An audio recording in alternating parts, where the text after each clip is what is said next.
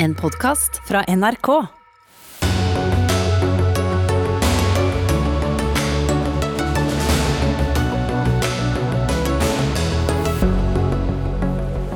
Stortinget betalte pendlerbolig og frie hjemreiser for dagens KrF-leder i ti år, fordi han oppga gutterommet på Sørlandet som adresse.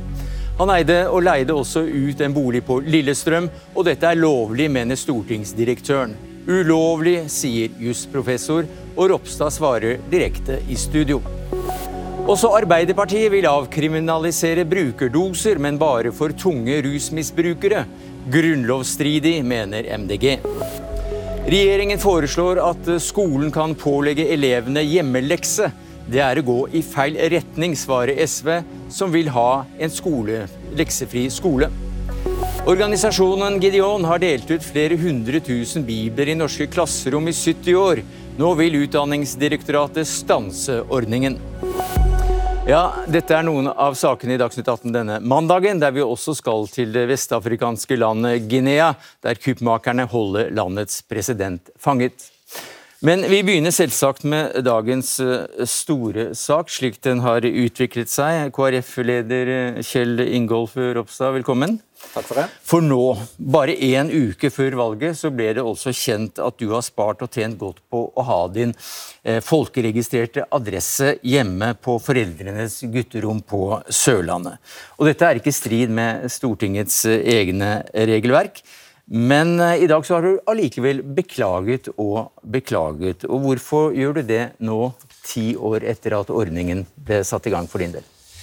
Som du sier, selv om ikke jeg har brutt noen eh, retningslinjer og regler på Stortinget, for jeg har vært opptatt av å være veldig åpen på hva jeg har gjort og bosituasjonen min, så er, det jo veldig leit at denne saken kommer. Og jeg har jo full forståelse for at noen uh, mener at jeg burde handle annerledes. Så du er lei for at saken kommer, men er du også lei deg for innholdet i saken? Altså, dette er jo valg og vurderinger som jeg har tatt fortløpende, og ut ifra den kunnskapen om, eh, om, situasjonen og livssituasjonen min som, som jeg mm. hadde på det tidspunktet. Eh, og i, eh, Iallfall i 2009, da jeg kom inn på Stortinget, og i 2010 når jeg fikk leilighet, så var jeg jo usikker på regelverket. og Derfor så var jeg helt åpen om den situasjonen med Stortinget. Eh, og var takknemlig for at jeg fikk en pendlerleilighet, som, som, selvsagt gjorde det enklere å utøve mitt virke. Ja, for Jeg må nesten ta et lite sammendrag av saken slik den er fremstilt, i hvert fall i Aftenposten, som kom med dette. I over ti år så betalte altså Stortinget for din bolig i Oslo, nettopp fordi du sto registrert i folkeregisteret som bosatt på Moisund på, på Sørlandet. Mens eh, du, kona, etter hvert da eh, barn, faktisk har bodd i, eh, i Oslo.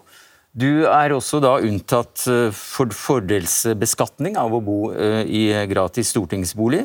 Du har fått fri hjemreise hvis du ville en gang i uka til Sørlandet hver uke i ti år.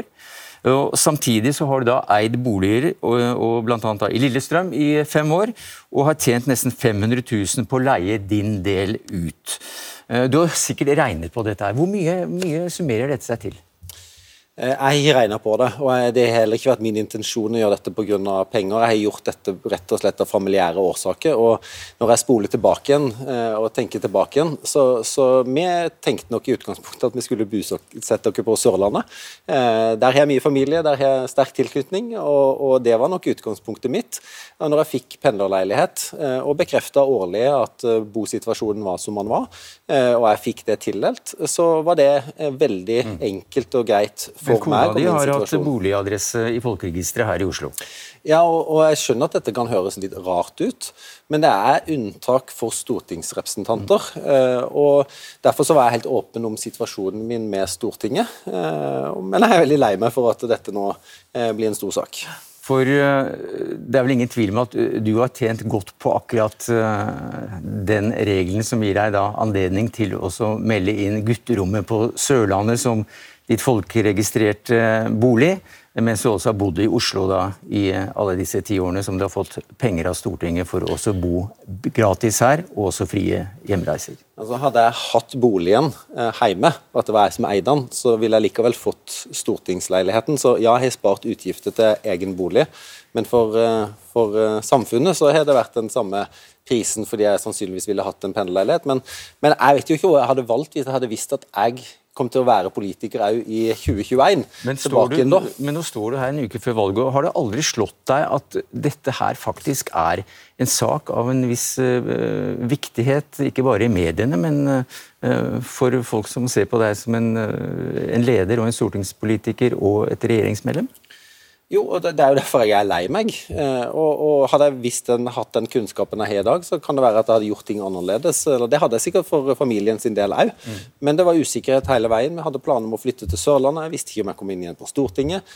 Og så har årene gått, og det har vært uh, bakgrunnen for at vi har, valgt som vi har gjort. Ifølge en eh, professor ved BI så er det ikke regelverket for Stortinget som er galt, men det er holdningen din. Hva sier du til det?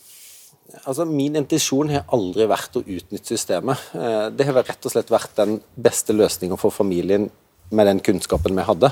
Eh, men, men, jeg ser at det kan se rart ut, og jeg skjønner at folk reagerer på det. og Derfor er jeg jo lei meg for, for denne situasjonen. Og jeg er jo for så vidt lei meg fordi jeg tror det kommer til å bli valgt inn en del studenter òg eh, med høstens valg. Det er mange unge som stender på topp. Jeg håper ikke dette ødelegger for deg sin mulighet til å kunne komme inn på Stortinget og til å ha en pendlerleilighet. Hvor mye tror du dette betyr for eh, valgresultatet? Jeg håper jo at velgerne òg ser forbi dette, og at eh, det er veldig mange viktige saker som stender på spill. Jeg skulle gjerne stått her og snakka om kontantstøtten og valgfriheten for familiene som er i spill, eller viktigheten av et parti som engasjerer seg for internasjonal rettferdighet. Jo, så jeg håper det, det, at det, er, er sakene som er avgjørende, for det vil ja. stå om veldig få stemmer for KrF. Ja, men, og jeg har tro på at det er det som til syvende og sist vil spille inn for ja, men velgerne. Men i 2019 så kom Rødt med et forslag om å stramme inn disse reglene for stortingsrepresentanter og fri bolig og avstand til egen bolig. KrF stemte imot. Det var vel Rødt og SV som støtta det forslaget. Jeg bare kjapt sjekka det opp, og det så ut som det kom et såkalt løst forslag i salen, som presidentskapet ikke hadde behandla på den måten. Så akkurat hva som er bakgrunnen, det kjenner jeg ikke til. Eh, men det er ikke meg imot å se på ordninga. Men, eh, men jeg vil òg si at det er en del studenter som kommer til å bli valgt inn nå i høst. Mm. Og det er viktig at de blir ivaretatt på en god måte. Aftenposten gjør et poeng av at det er nettopp en leder i Kristelig Folkeparti som, som vi nå ser at ikke har lurt Stortinget, men at han har tjent forholdsvis eh, mye penger på, på, denne gunstige stortingsordningen. Er du enig i det, at du som KrF-leder eh, har et eget ansvar? Spesielt ansvar? Vi alle har et spesielt ansvar. Vi er politikere. Og, og, jo, men Spørsmålet var om en KrF-leder da uh, har et større ansvar, siden det er uh, verdier du snakker om uh, hele tiden? Så jeg tenker Alle politikere, inkludert KrF, har et ansvar. Og Derfor så har jeg vært tydelig hele veien med Stortinget på min situasjon. Eh, og som sagt så har det vært mye usikkerhet knytta til, til, min livssituasjon. Jeg hadde planer om å flytte og, og tenkte annerledes, så skjedde det ting som gjorde at ikke det ble noe av. Hvor mange netter har du tilbrakt på gutterommet de siste ti årene? Eh, det er ganske mange. Ja, og det er jeg veldig glad i heimstedet mitt og til fylket mitt. Og jeg representerer det fylket òg når jeg er på Stortinget. Eh, og Derfor så har jo en tilknytning til fylket vært naturlig for meg. Men du, Vi snakker litt om dobbeltmoral, fordi jeg ser at Aftenposten igjen da de drar fram et sitat fra deg i avisen Vårt Land, der du skriver at gamle idealer om nøysomhet er erstattet av forbruksjag og sløseri. Eh, det med nøysomhet eh, skurrer jo i ørene for mange når de hører om dagens sak. Ja, altså Jeg skjønner at folk eh, kan reagere på det og tenke at jeg burde valgt annerledes, men, men jeg har gjort dette etter beste evne ut ifra den kunnskapen jeg har hatt i de situasjonene. Og, og, Som familie så har vi gjort valg. Vi har hatt et ønske om at vi kan bo samme sted, så jeg kan se kona og kan se ungene. Eh, Iallfall til frokost og innimellom. Eh, og Det har vært en viktig verdi for oss, og så har ting blitt som det har blitt. Og når, når, jeg kom inn i regjering og skjønte at jeg sannsynligvis kom til å være i politikken over lengre tid, og at Oslo ble bosted, så valgte vi òg å kjøpe et sted å bo i Oslo. Eh, jeg skal snart slippe deg løs på valgkampen, men et spørsmål til slutt. også. Jeg ser her at en jusprofessor som vi får besøk av eh, rett etter at du har gått, sier at dette er ulovlig ifølge folkeregisterloven. Og kollegaen hans, Mats Andenes, sier ber, ber politiet etterforske dette her. hva sier du til det? Jeg, var jo selv usikker om reglementet, og derfor så var jeg helt åpen med Stortinget om alt. De er vant til å håndtere denne type spørsmål, og jeg fikk eh, tildelt pendlerleilighet på bakgrunn av det. Så jeg tenker jo egentlig at det er andre enn meg som kan dette regelverket bedre, og som kanskje bør svare på det spørsmålet. Takk skal du ha, Ropstad. Det er altså da eh, slått fast av stortingsdirektøren at eh, KrF-lederen ikke har gjort noe galt i forhold til Stortingets eget regelverk. Og Marianne Andreassen, du er stortingsdirektør og forvalter jo da deler av dette lovverket eller regelverket. Hva sier du nå som denne saken her har fått såpass stor oppmerksomhet? For det første så har jeg veldig lyst til å få frem at dette her er, med pendlerleiligheter er en viktig del av vårt demokrati. Altså at du skal kunne bli valgt inn på Stortinget fra hele landet eh, og kunne eh, utøve ditt verv på Stortinget uten at eh, du får ekstra store utgifter pga. det. Så det er en viktig demokratisk ordning at vi faktisk har disse pendlerleilighetene, og med denne grensa da, som vi har satt på 40 km i kjørelengde. Ja, Men det huset hans, eller rekkehuset eh, på Lillestrøm var jo 29 km fra Oslo sentrum og Karl Johans gate 22, der Stortinget ligger. Jo, men han har jo ikke bodd i den leiligheten. Nei, Han har leid den ut for 500 000 kroner. Ja, men han har ikke hatt bosted der. Mm. Og våre regler og retningslinjer går jo på at du enten da skal være folkeregistrert eller bosatt mer enn 40 km eh, fra Stortinget for å ha de rettighetene om en pendlerleilighet. Er dette regler som, som, dere går nøye gjennom for hver enkelt stortingsrepresentant? Vi ser jo her at kona jo har hatt bosted i Oslo, men han også da hatt bosted på, på gutterommet. Altså Vi forholder oss til representanten, og så har vi et veldig nøye dere har, dere, har, dere har, ikke en, en gjeng som, som ettergår jo, altså, om dette brukes på riktig måte? Godt, vi har et veldig godt system Eh, for det første så må du søke om pendlerleilighet, og du må dokumentere ditt behov. For det andre så har vi en årlig prosess med representantene, hvor de må bekrefte at de da har eh, da bosted på, på, på, hjemstedet. Eh, og for det tredje så skal de uoppfordra varsle Stortingets administrasjon ja, de hvis det skjer noe. Men, så vi har et godt system. Men har de ikke sett at uh, Ropstad da har uh, hatt alle disse fordelene i, i ti år? Men eh, har altså da eh, i folkeregisteret bodd på, på, gutterommet. Er ikke, eh, jeg forstår at det er riktig ifølge reglene, men det, det, virker jo på folk flest litt unaturlig. Vi har som sagt hatt et regelverk som vi har forholdt oss til, og vi, vi sjekker jo ikke da på en måte hvor ofte vedkommende da er der man har sin folkeregistrerte adresse, eller hvilke type økonomiske godtgjørelser den type ting man har knytta til det. Vi forholder oss til dette med at man enten da er folkeregistrert eller bosatt mer enn 40 km. Er du redd for at dette nå rett før stortingsvalget kan medføre litt politikerforakt? Uh, altså det, det, er jo ikke uh, heldig å ha denne typen diskusjoner uh, i en valgkamp som, som, jo dreier seg om politiske saker, men samtidig så må jo selvfølgelig man tåle søkelys og ha åpenhet rundt dette. Og, og, det er jo en fin ting. Så regelverket er godt nok, og, og, og rutinene for kontroll er gode nok? Rutinene er, er, gode. Eh, så er det jo et politisk spørsmål om man ønsker å gå inn og se på endringer i disse reglene. Så, så vi, det er politisk. Vi da at I 2019 så var KrF bl.a. med på å nedstemme et forslag fra Rødt og SV om akkurat dette her. Eh, vi har også med oss Hans Fredrik Martinussen, du er jusprofessor ved Universitetet i Bergen. Og du er ganske klar på at eh, Ropstad faktisk har brutt loven. Hvordan kan du si det? Jo, altså den, eh, den, loven som gjaldt da eh, Ropstad eh, ble valgt inn på Stortinget, den sa at medlemmer av Stortinget anses bosatt i den kommune der de hadde sitt bosted før de tiltrådte. Og Ropstad bodde i Oslo. Altså dette er jo, som alle her sier, eh, viktige ordninger for at folk som velges inn fra andre steder, skal kunne flytte til Oslo uten at det koster dem noe ekstra. Men Kjell Ingolf Ropstad bodde allerede i et kollektiv som han eide med sin bror, i Oslo. Og hadde dermed ikke noe rett på eh, det unntaket etter folkeregisterloven. Han pliktet da han ble valgt inn og bodde i Oslo, og melde flytting til Oslo. Og Nå sier jo direktøren her at det avgjørende for dem er den folkeregistrerte adressen. sånn at uh, Ropstad har jo sånn sett uh, hatt en, en, en ulovlig uh, oppført adresse i folkeregisteret, som Stortinget da har bygget på. Andreasen. Altså, Vi eh, har da eh, vårt regelverk som Eva har vært fulgt i denne saken. og eh, Jeg har ingen mulighet til å gå inn og kommentere den typen problemstilling som er kommet opp her nå.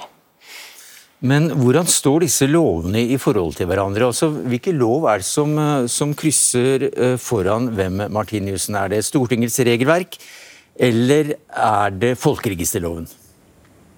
Altså, Stortinget og alle våre folkevalgte er jo bundet av loven. Eh, den vedtar de selv, og, og, loven gjelder også selvfølgelig for Stortinget. Eh, når Stortinget bygger sitt regelverk på folkeregisteret, så tenker jeg at eh, dersom oppføringen i folkeregisteret er gal, så vil det være brudd med all normal juridisk praksis og tankegang å si at regelverket til Stortinget er fullt. Man kan ikke registrere feil bosted i folkeregisteret, og så sier Stortinget etterpå at ja, men vi bygde på den gale registreringen, så, så derfor er det ikke brudd på vårt regelverk. Altså, Når den underliggende registreringen er ulovlig, så vil det selvfølgelig også ramme eh, Stortingets regelverk. Ja, men så har du jo også selvfølgelig denne bestemmelsen som går på at eh, ja, eh, stortingsrepresentanter kan være folkeregistrert eh, der de hadde sin folkeregistrering i, det de ble valgt inn. Nei, det er ikke så, riktig her er jo ulike regler som, som, slår inn. Martinussen mener det ikke er riktig?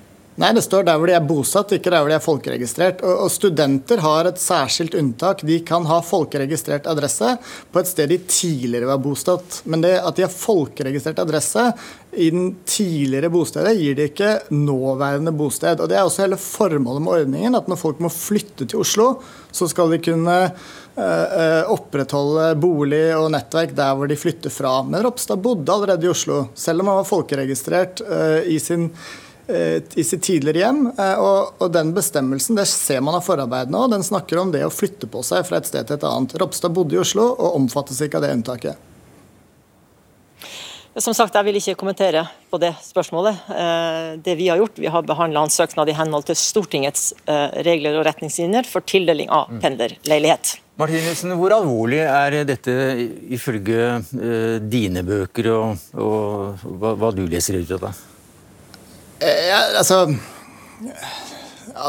det å bryte folkeregisterloven i seg selv er jo ikke spesielt alvorlig. Eh, og jeg vil også si at Det er nok et, et element her av en felle når man har eh, folkeregistrert adresse og er eh, student og får lov til å beholde den adressen, og så går over i en stortingsordning. Og hvis heller ikke Stortinget er klar over eh, hvordan loven må forstås, eh, så har jeg en viss forståelse for at man rent juridisk eh, kan føle at man ble fanget i en felle. så er det litt sånn i jussen at hvis man er veldig kreativ Dette er jo en, en pendlerleilighet. Jeg tror Ropstad aldri vil betegne seg selv som en pendler. Han har ikke pendlet fra Sørlandet. Så er det litt sånn vi sier at når du balanserer på fengselets murer, så eh, skal du ikke bli overrasket over at du plutselig befinner deg på innsiden. Det er begrenset med sympati man får eh, hvis man balanserer helt på regelverket og så tråkker utenfor. Eh, så sånn sett så vil jeg si at jeg har en viss eh, forståelse for at man kunne gjøre feil, eh, spesielt fra Ropstad sin side, hvis, hvis Stortinget ikke helt har oversikt over regelverket. Men jeg syns det er en ganske pinlig sak når man vet man har en, en pendlerleilighet og bor i Oslo med familie og barn og, og, og oppfører gutterommet hjemme som, som sin bolig. Altså, det er ganske useriøst. Du har helt sikkert fått med deg at din kollega ved Universitetet i Oslo, Mats Andersen, Andenes mener at dette bør etterforskes? Ja, eh, jeg har jo sagt til media tidligere i dag at eh, så lenge Ropstad har vært åpen med Stortinget, og dette har skjedd i forståelse med Stortinget, så har han ikke bygget på noe eller fremkalt noe villfarelse. Da er det sannsynligvis ikke et straffbart bedrageri. Eh, sånn at jeg er ikke så sikker på om dette er en politisak. Mimir Kristiansson, du er stortingsrepresentant for, for Rødt. Ehm, og dette er ikke en politisak, men hva slags sak mener du det er? Nei, altså På den ene måten så er jo dette en menneskelig tragedie. Altså, Jeg tror vi alle sammen skal ta et skritt tilbake og skjønne at det er ikke så utrolig kult å være Kjell Ingolf Ropstad i dag. Men på den andre siden så er det ikke så utrolig kult å være et menneske som er syk, ufør eller arbeidsløs, som må forholde seg til det norske Nav-systemet. Og dersom Nav hadde hatt med Kjell Ingolf Ropstad å gjøre, så ville de ikke ha tenkt at et sånn type smutthullutnyttelse kunne gått helt fint. Tvert imot ville de forfulgt Kjell Ingolf Ropstad til helvetes porter for å få tilbake de pengene som han nå har i realiteten da, utnytta fra fellesskapet. Jo, nå sånn vet jeg ikke akkurat hvilken port han til slutt havner opp uh, nei, Vi får i, håpe men... det er himmelen, da, men, uh, men tviler jo litt nå. Da. Nav, du, du trekker inn Nav, og da er det lett å trekke paralleller til denne Nav-skandalen? Ja, og i Nav-skandalen var jo situasjonen den at de som hadde gjort noe galt, ikke hadde gjort noe galt. Og likevel ble de altså straffefulgt av Nav. Og hvis man ser på hvor vanskelig det er for eh, trygda folk å skjønne skjemaveldet eh, de møter i Nav-systemet, så er jo sympatien ganske begrensa for politikere. Husk nå uansett da, at Kjell Ingolf Ropstad har tjent i hele denne perioden mellom 1 og 1 1,4 millioner kroner. Og likevel, på tross av det, så har han altså balansert på kanten av regelverket for å få utnytta seg en pendlerleilighet. Altså Vanlige folk de kan ikke drømme om å tjene 1-1,4 millioner kroner. Da regner de med at de kan få alle bosteder de vil i verden. Men han har altså, i tillegg til denne, i mine øyne, hårreisende høye lønnen, også prøvd å utnytte ordningene maksimalt. da, nå, nå, er de tallene du kommer med verken bekreftet herfra eller derfra, så det får nesten stå for din uh, egen regning, Mimir Kristiansson. Uh, ganske kort til slutt, Marianne Andreassen. Er dette noe du kommer til å ta med deg såpass sterkt inn i Stortingets direksjon igjen, etter denne erfaringen, og se hva dere kan gjøre med det? Altså det er jo naturlig i lys av denne typen debatter at uh, det kan være naturlig å se på dette, men det er som sagt og blir et politisk spørsmål, uh, som vi da får se hva det nye Stortinget uh, velger å gå inn i. Takk skal du ha, Mimir Kristiansson, Hans Fredrik Martinussen i Bergen, og til deg, Marianne Andreassen, stortingsdirektør. Ja, Da er eh, det klart for en eh, liten samtale om hva som da egentlig har skjedd, og hvorfor denne saken har kommet og blitt slik den er eh, blitt.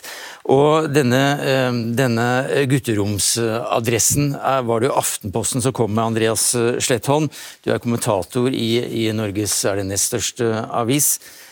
Og det er en sak som også ikke medfører et et brudd på Stortingets eh, regler, men allikevel så blåser dere, og for så vidt Dagsnytt 18 også, den stort opp. Hvorfor det? Nei, Det er jo fordi vi mener at dette er en uh, sak av sterk offentlig interesse, som vel Dagsnytt 18 ser ut til å være enig i. Da. Det handler jo om forvaltningen av særordninger for politikere, hvor pressen har et ansvar for å sjekke at de benyttes på en måte som, eh, som eh, fremstår rimelige. Men hvorfor velger dere som landets nest største avis å publisere det nå, en uke før valget? Ja, Vi er veldig klare over at det er en uke til valget. Timingen. Vi, vi, vi følger med. Eh, men det er, dette er en sak som vi har jobbet med i noen uker nå. Det har tatt tid, og vi har brukt Eh, ordinære journalistiske metoder, innsynsbegjæringer, eh, kobling av register osv. Eh, og, og så har vi også vært opptatt av å sjekke andre statsråder, andre partiledere, før vi publiserte. Så det har på en måte tatt den tiden det tar. og vårt, vår tanke har vært at vårt fremste hensyn er overfor leserne, og det ville være eh, like galt å vente med å publisere til etter valget f.eks. For, for, for at dette ikke skulle påvirke velgerne i innspurten. Men jeg, men jeg ser at uh, som kommentator så, så skriver du uh, at det er, det er, en moralsk dimensjon ved dette som også er litt spesiell. Er den det fordi Ropstad er KrF-leder? Ja, nå vet jeg ikke om det er jeg som har skrevet det, men, eh, men det er klart at det er Det er litt hemmelig hvem som skriver lederne. det er, eh, det er eh, kanskje litt ekstra pikant, kan du si, at det er, et, at det er KrF som KrFs leder dette handler om. Jeg tror at denne saken ville vært et stort problem for enhver partileder og, og enhver statsråd. Så gjenstår det jo å se litt hvordan hvordan eh, reaksjonene blir og hva folk flest eh, synes. Jeg tror at dette først og fremst går på tilliten løs til politikerne generelt, fordi nettopp det handler om en spesialordning for eh, politikere. Men Hvis vi da holder oss til, til nettopp Ropstad, Vebjørn Selbekk, du er redaktør i den kristne avisen Dagen. Hvor skadelig tror du dette er for KrF og Ropstad?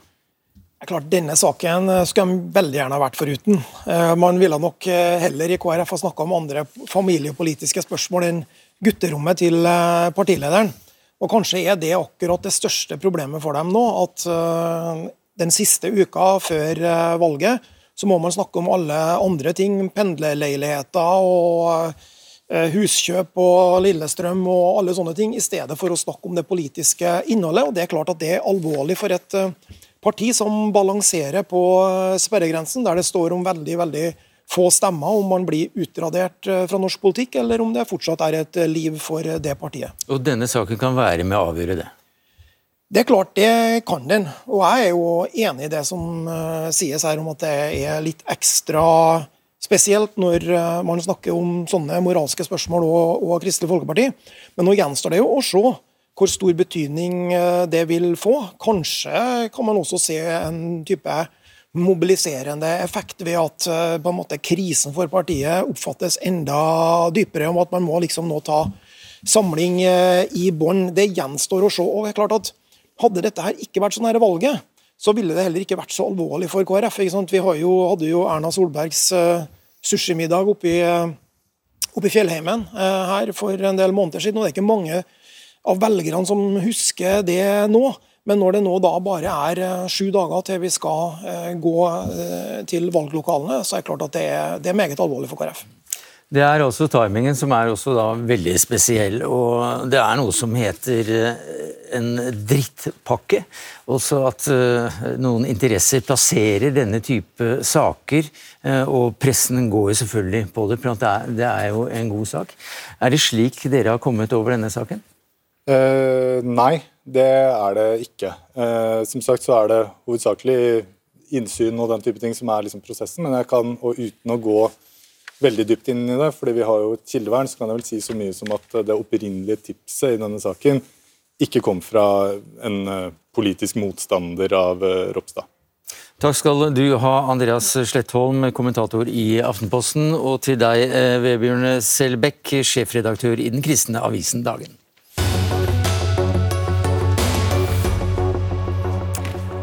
Ja, Hva skjer med den omstridte rusreformen nå etter valget? Tja, den sittende regjeringen har som kjent fremmet forslag om avkriminalisering av narkotika til eget bruk, mens Arbeiderpartiet og Senterpartiet vil at kun noen grupper bør slippe straffansvar for å ha brukerdoser på seg. og Det gjelder da tunge rusmisbrukere.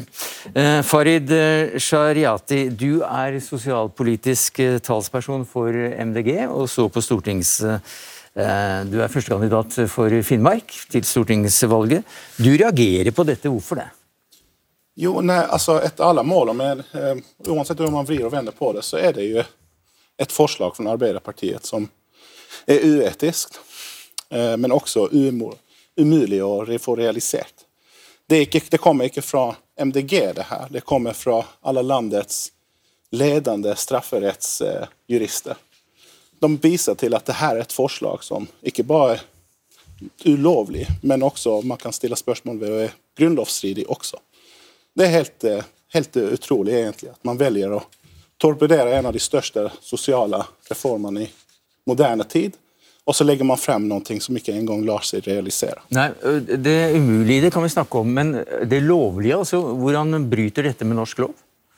Ja, Det bryter bl.a. med en av de mest grunnleggende idealene og prinsippene som vi har, som f.eks. likhetsprinsippet, da, eh, som er grunnlovfesta. Det er veldig vanskelig å vite hvem som for det første er tung nok rusbruker. Eh, den, det målet i seg selv å kun gi frislipp på de som Ap mener er de aller verste, eller de mest tunge rusbrukerne, eh, er bare i seg selv utrolig vanskelig å måle. Men så er det noe om at da setter vi opp et regelverk som er ulikt for mennesker.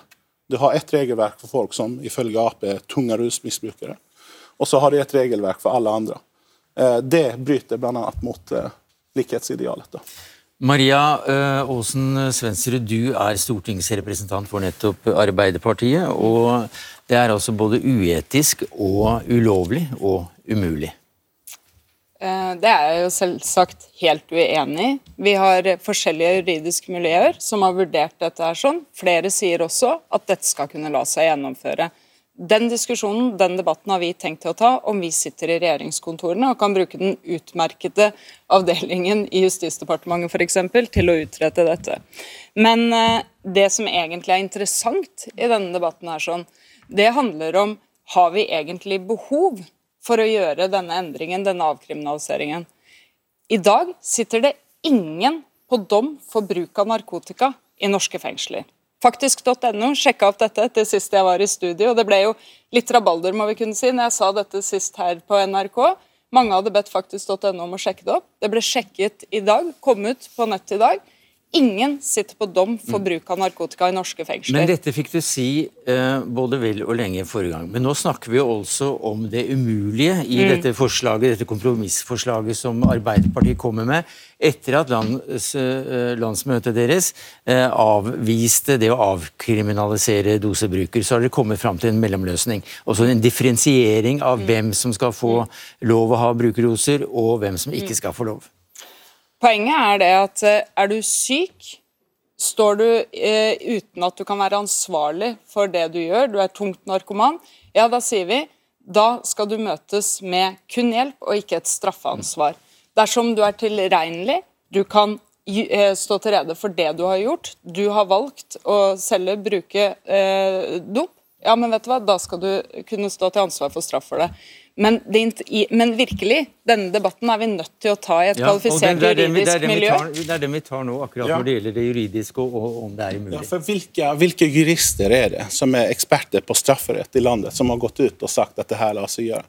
Det er null som har gjort det. Nei, det er jo feil. Er det ganske mange tunge, de mest ledende juridiske navnene, som er eksperter på strafferett, som sier at det her er ikke bare ulovlig, men mest sannsynligvis også grunnlovsstridig. Hittil har jeg ikke kunnet registrere noe annet fra Ap. Man vet at man har gjort feil ved å torpedere rusreformen.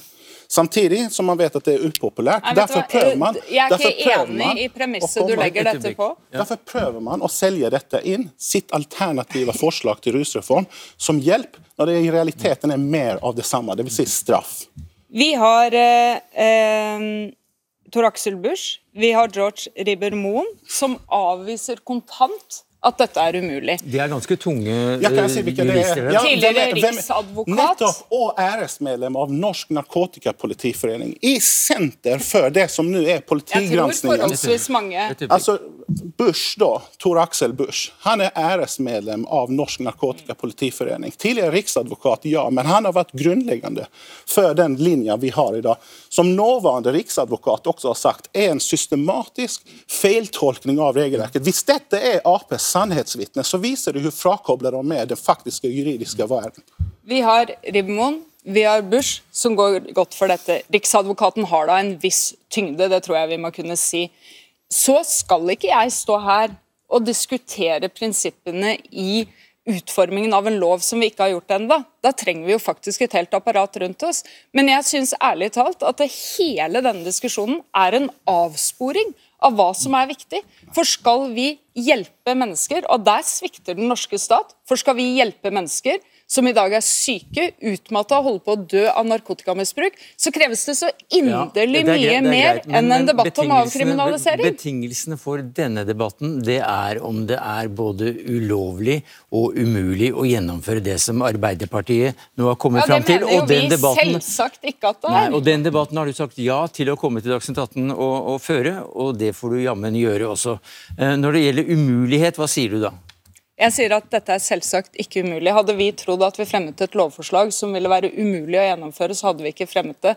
Vi ser fram til å komme i posisjon, sånn at vi kan utbygge dette her sånn, og bygge et lovforslag i denne begrunnelsen. Ja, altså Det er umulig med dagens gjeldende lovverk, og mest sannsynligvis med dagens gjeldende eh, grunnlov. Eh, de sannhetsvitnene man har hatt, det er folk som er alvorlig diskreditert i, blant sine fagfeller.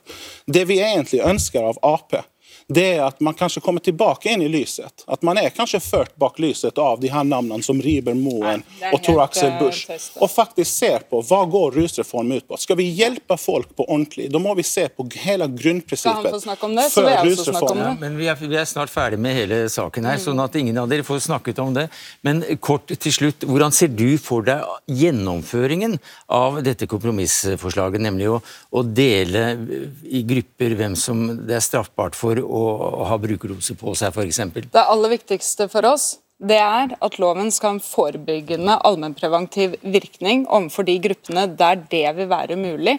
Overfor alvorlig syke mennesker så forstår alle at den allmennpreventive virkningen vil ikke være der. De skal sikres god og anstendig hjelp og bli behandla ordentlig. Takk skal du ha, Maria Aasen Svensrud, stortingsrepresentant for Arbeiderpartiet. Og takk til deg, Farid Shariata, sosialpolitisk talsperson i MDG. Tusen takk.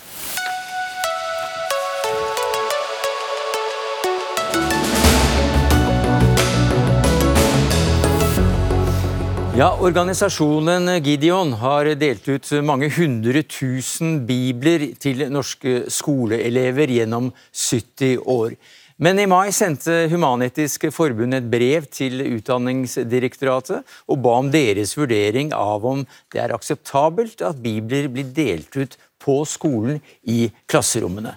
Og nå er svaret eh, fra direktoratet kommet. Eh, de vil stanse denne praksisen. Og Hva synes du om det som generalsekretær i Gideon, Steinar Hopland? Ja, Vi er jo veldig overrasket og, og forbauset over det som har skjedd her. For uh, vi har jo, som du sa, holdt på med dette i, i, i 70 år. Og vi har nesten i like mange år fått takk fra undervisningsministre helt tilbake fra Helge Sivertsen og frem til i dag for at vi gjør dette. Uh, og, og uh, noe som man gjør i en rekke andre land. altså Vi er jo med i The Gideons International 200 land. Og i de fleste av disse landene deler man ut til ungdomsskoleelever, som vi har gjort også. Ikke femteklassinger, som eh, humanetikerne sier, men til ungdomsskoleelever. Ja, altså åttende klasse. klasse. Men hvorfor kan dere ikke dele ut eh, disse utenfor skolen, da? Eller eh, være med å sponse noen bokkasser som elevene kan forsyne seg av? Ja, du, Det kan sikkert gjøres på mange forskjellige måter. Vi har valgt og, og, fått veldig støtte også fra veldig mange skoler om å gjøre det på denne måten. Hvorfor vil dere absolutt inn i klasserommet? Du, det, har, det, har, litt med at vi, vi, ønsker å gi denne lille boken Det er ikke snakk om en bibel, et nytestament, tospråklig. Den ser slik ut. Uh, hånd til hånd. Grunnen til, til, det er jo at dette er ikke en alminnelig bok. Det er jo, det er jo Bibelen. Det er det vi bygger hele vår, vår kulturarv på, og har gjort det fra årtusen. Og Den ligger jo til grunn for hele, hele, dette samfunnet, slik som vi ser det. Så vi har litt ærbødighet for dette. og Da tenker vi at det å gi det fra hånd til hånd er det mest anstendige i, i denne saken. Men uh, Anja Johansen, som eh, statssekretær i Kunnskapsdepartementet, så deler du da uh, direktoratets konklusjon, nemlig at dette bør stoppes. Hvorfor det? Ja, Det er jo sånn at det er opp til skolene og lærerne sitt eh, profesjonelle skjønn hvilke læremidler og hvilke andre læringsressurser de vil bruke i skolen. Det gjelder for alle fag. Eh, og det er ingenting i veien for at skolene kan være mottaker av en gave, sånn som det Gideon har en lang tradisjon for å gi Bibelen eller Det nye testamentet. da. Eh, skolene kan ta imot, og skolene har som en del av sin oppgave å vurdere om og hvordan de vil bruke disse tekstene i skolen. Men hvorfor vil dere ha en slutt på denne ordningen? At de kommer inn i klasserommet og snakker med hver elev og sier eh, 'her har du en bibel'? Ja, Spørsmålet her er jo om religiøse organisasjoner eller ulike trus- og livssynssamfunn skal kunne dele ut tekster direkte til elevene eller ikke. Det kan oppleves som å være i strid med forbudet mot forkynning i skolen. Eh, det er eh, en forståelse UDIR har uttrykt, og det er en forståelse politisk ledelse i Kunnskapsdepartementet deler. Når det er sagt, så er det jo viktig å si at elevene representerer et stort mangfold, også når det gjelder tru og livssyn. Og det er på, på skolen som en så avgjørende arena, eh, så er det, er det, nødvendig at vi gir rikelig rom for, eh, for mangfoldet når det gjelder tru mm. og livssyn, og andre former for overbevisning. Hopland. Og Vi har jo veldig stor respekt for at det er et stort mangfold i klassen. Det er mange religioner eh, representert osv. Det vi gjør i løpet av de fem minuttene vi er inne i klassen, det er å spørre elevene, de som vil ha en slik bok, denne lille boken her, de kan komme frem og hente en. Eh, av og til sier læreren da at ok, har dere spørsmål til han fra Gideon, så noen har det. Da kan det gjerne bli ti minutter, men, men sjelden mer. Å snakke om forkynning er jo helt uh, feil her. Forkynnelse betyr å agitere for troen osv. Det er en misjonering. det er en da begynner du å grunnlegge hvorfor vi gjør dette. Vi gjør ikke det. Vi trekker oss tilbake med en gang. Og jeg mener at Dette må være lov. og Her er det Venstre og, og, og kunnskapsministeren fra Venstre, eh, Guri Melby, som, som, står bak dette helt spesielle dekretet. Det bør jo velgerne merke seg. Johansen. Ja, Dette er jo ikke et dekret fra departementet. Dette er jo Utdanningsdirektoratet som har kommet med sin forståelse i et brev Human-Etisk Forbund har sendt til direktoratet, som vi har svart på. Og så støtter vi denne forståelsen, da. Eh, samtidig som vi understreker at skolene står i alle fag fritt eh, til å vurdere hvilke ressurser de ønsker å bruke i opplæringa. Og selvfølgelig, det, vil, det, vil være, det, er helt naturlig å bruke ulike religiøse tekster og oppsøke ulike religioner sine gudshus som en del av opplæringa. Eh, men vi bekker over grensa for forkynning dersom ulike religiøse samfunn de må jo likebehandles da, skal kunne komme inn i skolen og dele ut sine mm. tekster direkte til elever. For Hopland, ja. Til avisen Vårt Land så sier du at eh, vi skal innrette oss etter norsk lov. Mm. Eh, ja. Men det viktigste er at Guds sanne ord kommer fram. Vi gir oss aldri. Og Da minner det litt om ja, eh, Vi gir oss aldri på at vi vil ha frem budskapet i denne boken, her, for vi tror det er veldig godt for Da må du forkynne litt, da. Ja, det gjør vi jo i andre sammenhenger. Altså, vi driver personlig evangelisering ute blant, uh, blant, folk individuelt. Det gjør vi selvfølgelig. Men i skolen har vi en veldig disiplinert struktur på dette. Og, og, og, Det brevet som da er sendt ut til alle landets kommuner, uten at vi fikk høre at det fantes et brev i det hele tatt. Jeg fikk vite det fra en tilfeldig journalist. De har unngått oss, ikke tatt oss med på noen ting. Det, det brevet kunne like gjerne vært skrevet av Human-Etisk Forbund. Så dette er ubalansert, det er dårlig saksbehandling, og det er en helt feil definisjon av forkynnelse. Johansen. Ja, her er det jo Human-Etisk Forbund som har skrevet et brev til UDIR og fått svar på det, så det kan ikke departementet gjøre noe annet med enn å lytte til, til den kritikken av at man, man, ikke føler seg hørt. Det jo, har jo vært en helt ordinær utveksling, altså en henvendelse og et svar. For i begynnelsen var det uh, Men dere legger jo dere helt flat for Human-Etisk Forbund. Dere hører jo ingen andre. Det er jo, det er jo, det er jo, det er jo Og så går, går da kunnskapsministeren dagen etter på besøk til organisasjonen HF, Human-Etisk Forbund, gratulerer under dagen, og det overrekkes blomster. Mm. Altså, Hva slags balansert saksbehandling eller holdning er dette? Etter vårt skjønn er det det som er gjort. Brevet må trekkes tilbake. Har du lagt dere flat for Human-Etisk Forbund, kort til slutt?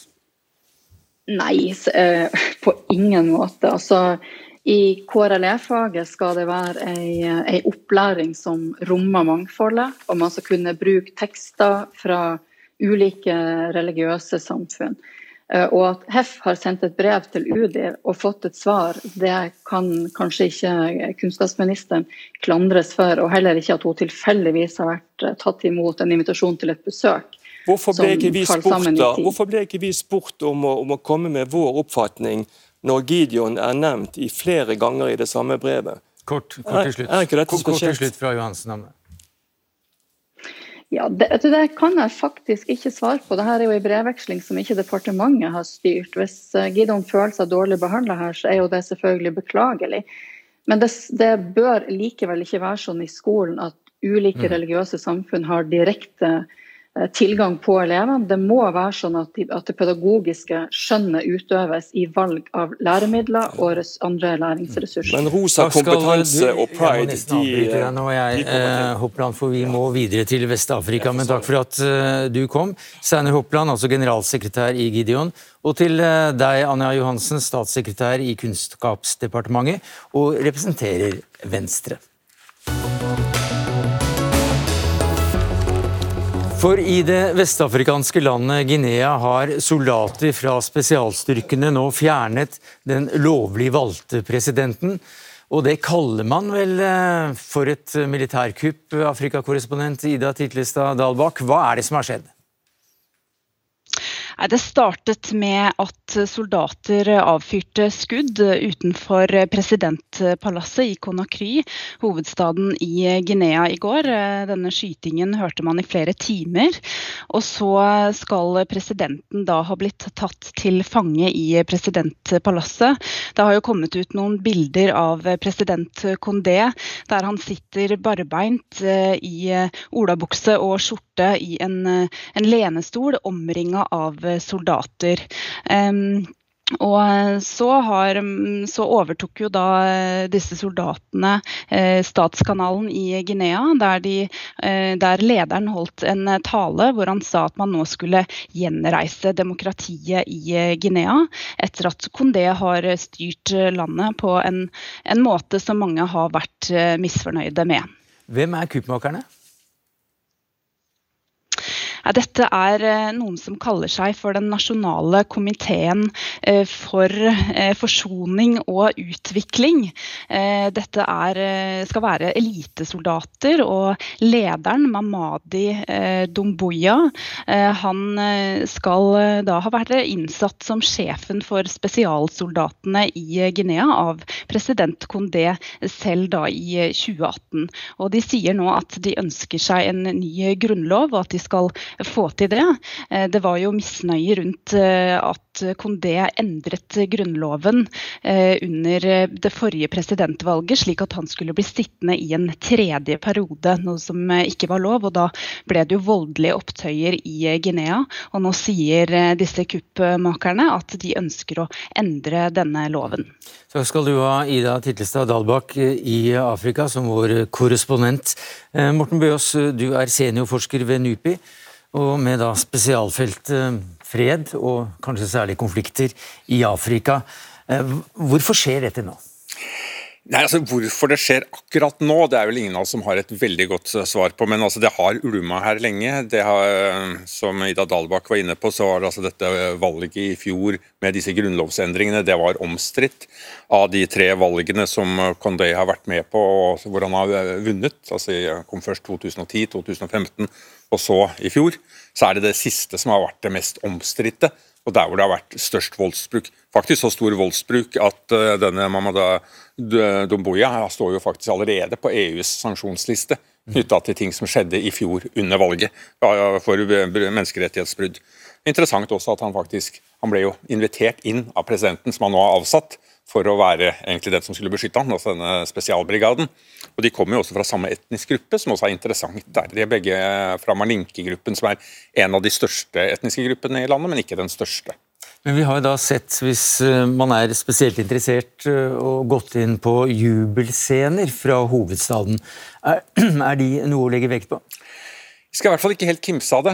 Det er nok et kupp dette her som har en viss folkelig støtte. og Jeg har også sett på noen av de uttalelsene som har kommet fra altså den lovlige opposisjonen, altså de som har vært i opposisjon til uh, uh, Condé og hans styre. og De sier noe sånt noe som at ja, Vi er nå litt sånn tvisynte på dette. Det er jo ikke bra med et militærkupp, men det var jaggu godt å bli kvitt den. Og, og under, Underteksten her er jo det at de antagelig deler av opposisjonen har hatt en mistanke om at eh, denne fyren ville ikke gått frivillig.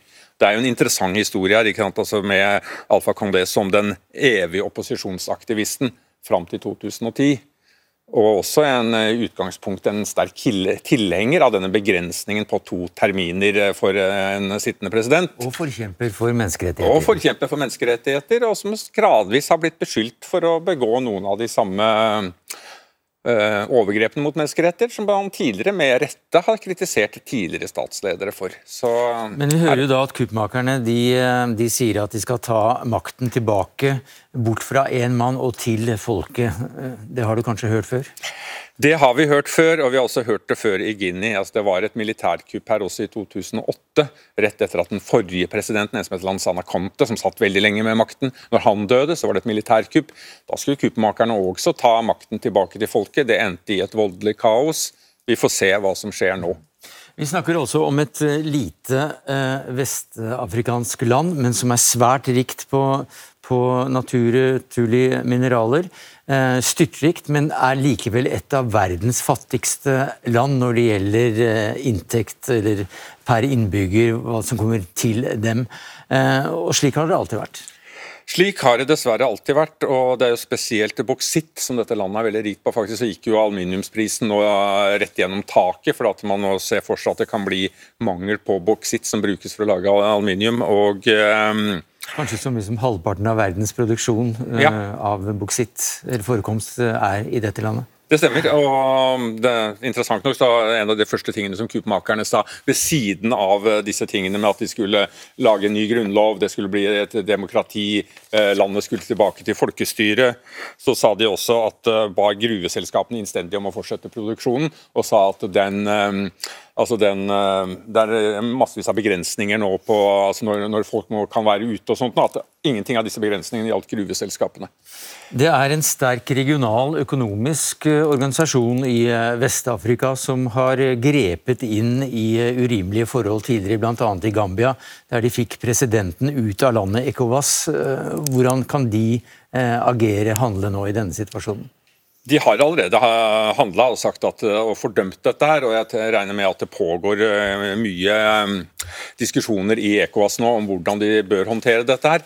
De har litt større problemer med å håndtere dette så effektivt som de gjorde i tilfellet Gambia, som de gjorde i tilfellet Mali 2012, som de gjorde i Elfenbenskysten eh, enda noen lengre år tilbake. Og Det er fordi at mens mange av de andre ECOWAS-landene har en felles valuta som heter Sefa, og dette er cash-økonomier, altså hvor de trenger tilflyt av nye pengesedler hele tiden.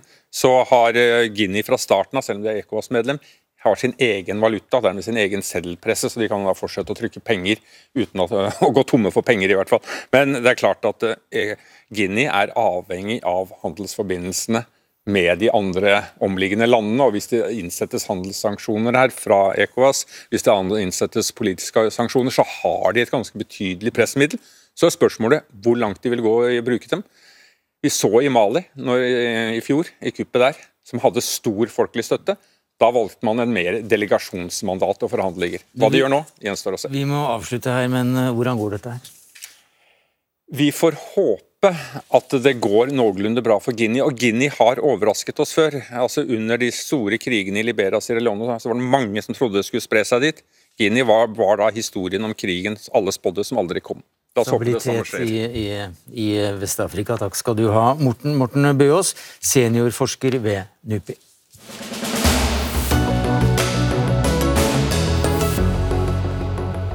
Ja, lekser eller ikke lekser, det er spørsmålet.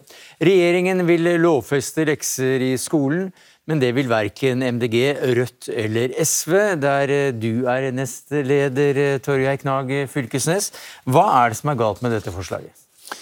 Det å foreslå en lovfesting av eh, lekser, som til nå har vært en form for sedvane, en tradisjon i norsk skole, oppfatter vi som et, eh, et, steg i en retning der man i større grad vil legge opp til lekser i skolen. Vi hadde jo ønska at uh, regjeringa i større grad hadde lytta på forskninga, som viser at uh, effekten av lekser er veldig begrensa. Uh, og istedenfor at man legger opp til mer lekser, at man reduserer lekser lekse, med mål om at den eh, øvelser og repetisjon av den type ting som man nå eh, i dag overlater til hjemmene, eh, til hverdagen, til frit, fritida til, eh, til, barna og til familien, at man i større grad gjør det på skoledagen. Så vi eh, syns det her var ja, Vi liker ikke den utviklinga der man ønsker å lovfeste noe som vi ønsker egentlig å, å, å begrense bruken av. Ja, eh, Anja Johansen, du er statssekretær i eh, Kunnskapsdepartementet og er da i partiet Venstre. Eh, hvorfor går dere inn for et sånt forslag, når vel forskningen da sier noe annet? Ja, her er jo ikke spørsmålet om lekser eller ikke lekser. Det er jo et totalt misforstått premiss for diskusjon. Regjeringa sitt forslag til ny opplæringslov gir skolene i oppgave å vurdere om det skal gis lekser eller ikke, og at denne beslutningsmakta skal ligge hos skolene, proffene, eh, og ikke hos politikere eller administrasjon i kommunen eller fylkeskommunen. Så, og at det ikke da skal være opp til noens ideologi eller overbevisning eller vekslende politiske maktkonstellasjoner å detaljstyre skolen. Men et øyeblikk, det må, uh, få, det, det må, vi nesten bare få en kommentar på. Altså, det, er, det, er, det, er, ikke slik at de da vil, eh, vil, innføre eh, lekser og ferdig med det. Det er, fremdeles opp til til andre å bestemme? Ja, altså, Lovteksten sier jo at uh, skolene kan pålegge uh, elevene å ta lekser. Ja. og I dag så er det egentlig bare en tradisjon for dette. her. og Ved å knesette dette i lov, så opplever vi at det er en form for opptrapping i skolens mulighet til å pålegge lekser, i en situasjon der vi egentlig burde gjøre det mm. motsatte. Johansen. Ja, her er det noen som har tatt veldig mye ideologisk tran, fordi her går protesten på autopilot. Dette lovforslaget endrer ikke praksis i skolen. De skolene som er leksefri, de kan fortsette å være leksefri. Det vi i tillegg gjør med dette lovforslaget, det er jo å, å lovfeste helt overordna at man skal ta hensyn til elevens beste, at elevene har rett til hvile og fritid. Det står ikke i dagens opplæringslov. Uh, og regjeringa har tillit til at de nærmeste til å si noe om leksepraksis, det er de proffe i skolen. Naturligvis i dialog med elever, med foresatte. Det vil jo være helt naturlig. Og så er det heller ikke sant, uh, som det sier, at dette er åpna for stadig mer lekser. Eh, det er jo tvert imot sånn at vi har masse forskning på lekser som spriker i eh, hva er effekten av lekser. Det kommer an på hva slags lekse, hvordan den skal gjøres. Og vi får en stadig mer leksebevisst skole. Så det er jo en fullstendig mistillit mot de profesjonelle i skolen. Hvis ja, det er bedre at lokalpolitikerne skal bestemme dette. Unnskyld at jeg avbryter deg, men du sitter på, på linje. Men eh, Fylkesnes, må nesten få kommentere dette. Altså At dette her er ideologisk, det, det er for meg ganske ubegripelig. Hva skulle være ideologisk i motivasjonen for dette? her? Altså Her er det tungt med forskning som viser at man trenger å begrense mengde eh, lekser.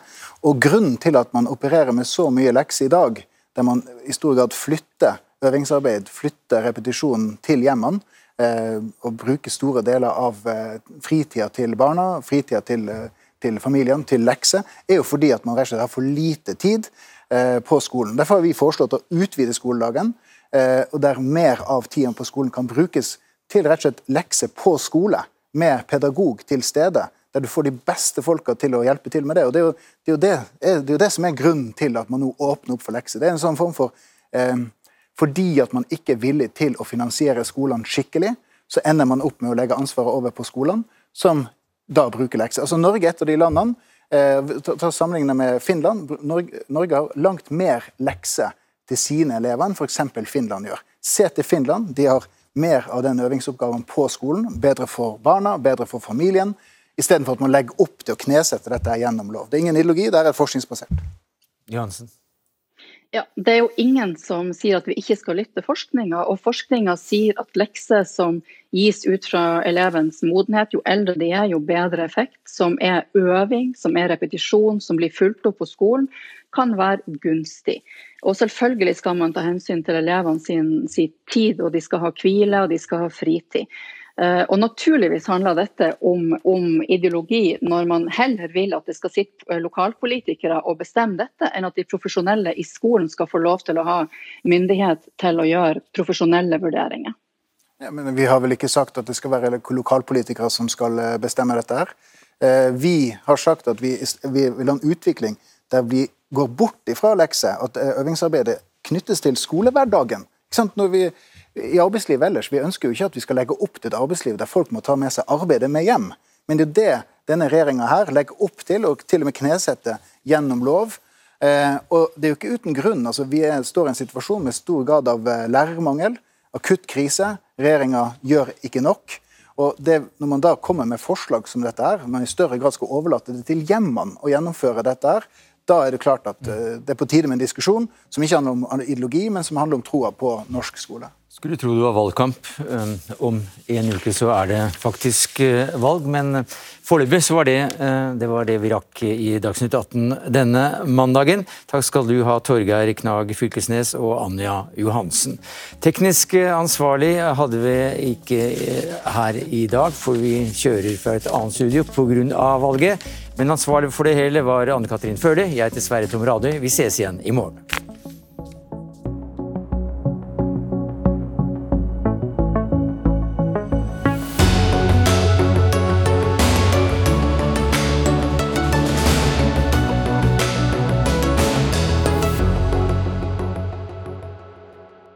Du har hørt en podkast fra NRK. Hør flere podkaster og din NRK-kanal i appen NRK Radio.